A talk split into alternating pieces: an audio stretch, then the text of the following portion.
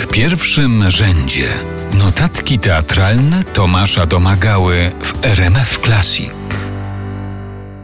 Dziś Wielki Piątek, a więc apogeum jednego z największych teatrów w dziejach świata, andaluzyjskiego święta Semana Santa, nawiązującego swoim mansjonowym charakterem do średniowiecznych misteriów męki pańskiej. Polega ono w skrócie na uczestnictwie w wielobarwnych procesjach, trwających od popołudnia przez całą noc, w czasie których każda parafia ma obowiązek przedefilować ze swoimi pasos ulicami danego miasta ze szczególnym uwzględnieniem miejscowej katedry. Owe pasa to nic innego jak ustawione na specjalnych platformach teatralizowane sceny męki pańskiej bądź figury Matki Boskiej, nazywanej od wieków różnymi stosownymi przydomkami Dolorosa, Rosario czy Soledad. Procesje są również okazją do rodzinnych spotkań i wspólnego biesiadowania, które w hiszpańskich barach trwa całą noc, przeplatając się z uczestnictwem w procesjach. Obchody trwają od niedzieli palmowej do Wielkanocy, przygotowania zaś na wiele miesięcy przed. Przystraja się platformy kwiatami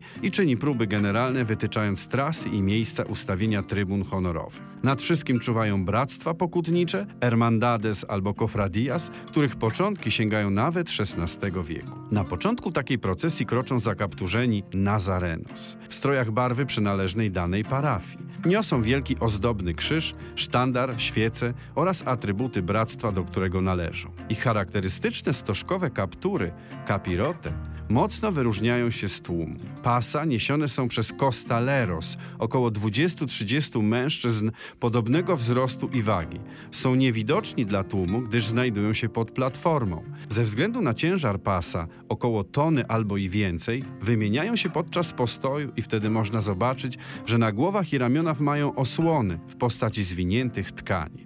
Są niewidoczni dla tłumu, gdyż znajdują się pod platformą. Tuż za platformą kroczą z krzyżami na plecach Los Penitentes, grzesznicy, a za nimi orkiestry dente oraz kadeci miejscowych regimentów. Jeśli mowa o orkiestrach, to cała procesja odbywa się w rytm wybijany przez bębniarzy, muzyka zaś towarzysząca jej nawiązuje często do kultury flamenco. Od czasu do czasu, gdy procesja zatrzymuje się, żeby kostaleros mogli odpocząć, ktoś z wiernych decyduje się w ciszy towarzyszącej postojom zaśpiewać saetę, rzadkiej urody pieśń, której smutna, zawodząca melodia przywodzi na myśl śpiew muezina, niosący się na tych ziemiach wieki temu. To najpiękniejsze momenty Semana Santa. Zwłaszcza, że wszechobecne kadzidło, mieszając się dodatkowo z wiosennym zapachem kwitnących pomarańczy, dopełnia zmysłowej magii tego andaluzyjskiego święta, będącego jednym z najpiękniejszych żywych teatrów świata. Teatru, którego każdy człowiek przynajmniej raz w życiu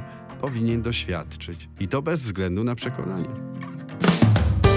W pierwszym rzędzie notatki teatralne Tomasza Domagały.